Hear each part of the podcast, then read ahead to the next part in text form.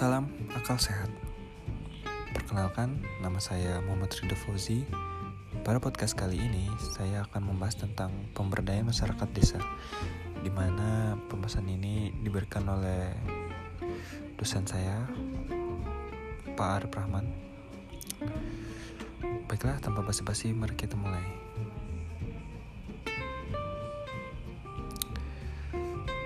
Pertanyaan pertama yang diberikan beliau adalah Jelaskan menurut pengamatan Anda apa minat dan kebutuhan masyarakat desa di Desa Jejangki Timur, Kabupaten Barito Kuala, Provinsi Kalimantan Selatan. Menurut saya, minat dari masyarakat Desa Jejangki Timur adalah bertani. Karena kegiatan bertani ini sudah menjadi pekerjaan turun-menurun. Namun dengan adanya lahan kosong yang dijadikan sebagai lahan kelapa sawit oleh perusahaan swasta di desa tersebut, maka masyarakat desa Jejangki Timur mulai melebarkan sayapnya di bidang perkebunan kelapa sawit bekerja sama dengan perusahaan swasta tersebut. Dan kebutuhan dari masyarakat desa Jejangki Timur adalah kurangnya tenaga medis di, di desa tersebut karena hanya dikunjungi sekitar dua minggu sekali. Dan juga adanya minimnya kualitas pendidikan yang hanya mayoritas masih lulusan SMP. Kembali yang kembali di desa tersebut hanya memiliki puskesmas desa, namun hanya dikunjungi oleh tenaga medis selama dua minggu sekali dan bahkan dengan jarak puskesmas pusat terdekat berjarak sekitar kurang lebih 5 km.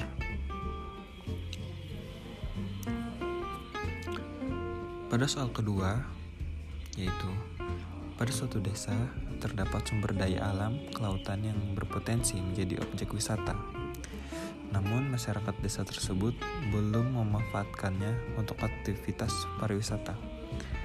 Jika saya berada di desa tersebut, maka yang akan saya lakukan adalah oke, okay, di sini saya akan menjawab. Yang pertama yang akan saya lakukan adalah mengadakan musyawarah masyarakat di desa untuk membahas pembangunan potensi, potensi pariwisata yang yang ada di desa tersebut melalui sumber daya alam laut yang berpotensi menjadi objek wisata. Maksud dari poin ini adalah menyatukan visi misi dari seluruh masyarakat yang ada di desa untuk menjadikan desa tersebut berpotensi memiliki objek wisata. Poin kedua yaitu meneliti, memahami, dan mencari apa saja sumber daya alam laut yang ada di desa untuk dikembangkan lebih lanjut ke arah pariwisata bersama masyarakat tentunya. Yang ketiga adalah mengarahkan dana desa atau APBD ataupun melalui investasi dari luar untuk menunjang pembangunan infrastruktur objek wisata yang ada di desa tersebut. Yang keempat, melakukan promosi berskala nasional bahkan internasional untuk memasuki perhatian wisatawan. Promosi di sini saya bagi menjadi dua yaitu promosi tentang pariwisata yang ada di desa dan juga ada promosi atau promo dari logistik maupun biaya hotel yang ada di desa. Oke, lanjut yang pertanyaan ketiga. Pada suatu desa terdapat masyarakat yang sangat beragam. Berbeda agama, berbeda suku, berbeda bahasa, dan berbeda strata sosial lainnya. Kemudian, pada suatu parwis peristiwa terjadilah konflik yang besar, yang mana antar masyarakat bertikai. Sebagai pemuda desa tersebut, maka yang bisa saya lakukan adalah pertama, saya akan bersama-sama dengan masyarakat lain untuk mengamankan para provokator dari para masyarakat yang bertikai karena menurut saya provokator ini akan tetap menambah keadaan suasana menjadi kisruh atau makin lebih buruk. Poin kedua yaitu menenangkan dan membubarkan kerumunan massa yang sedang kisruh, yang sedang terjadi konflik. Poin ketiga yaitu melakukan pertemuan antara perwakilan suku untuk mencari akar permasalahan dan juga bersama-sama dengan masyarakat lain untuk mencari jalan tengah dalam menangani konflik yang terjadi. Dan keempat, ini yang paling penting menurut saya, yaitu memberikan rehabilitas mental terhadap masyarakat yang terkena dampak dari konflik yang terjadi tersebut. Oke, pada pertanyaan keempat, jika saya menjadi seorang presiden, maka saya akan membuat program-program desa sebagai berikut. Yang pertama, program yang akan saya buat yaitu mendirikan pembangkit listrik tenaga air, tenaga surya maupun tenaga listrik dari pengolahan sampah.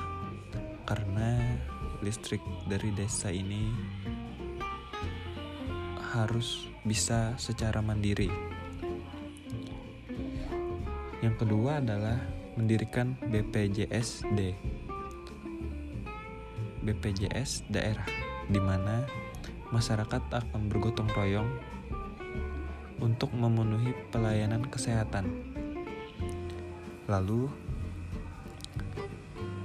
akan diarahkan dengan surat pengantar dari puskesmas apabila memiliki riwayat penyakit yang parah untuk dirujuk ke rumah sakit provinsi maupun kota.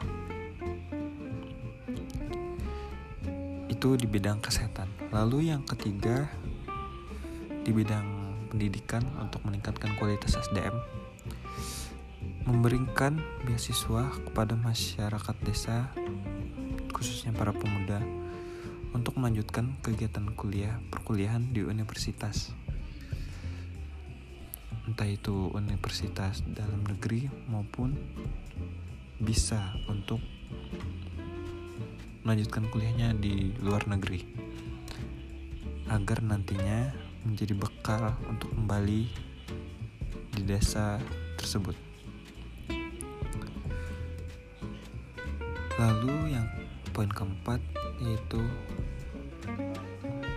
adanya UKM yaitu program untuk membuat produk jadi dari sumber daya alam di desa tersebut pada sektor perkebunan dan pertanian.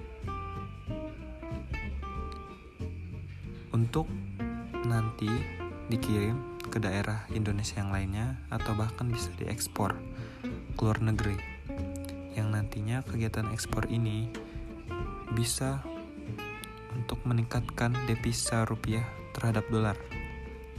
Maksudnya dari sini saya adalah membuat produk jadi seperti karet yang bisa diolah menjadi ban. Bahwa ban ini buatan Indonesia dan dipakai oleh wilayah daerah lain, dan bahkan bisa dikirim ke luar negeri. Yang terakhir, program yang akan saya buat adalah mengembangkan internet secara merata di seluruh Indonesia bersamaan dengan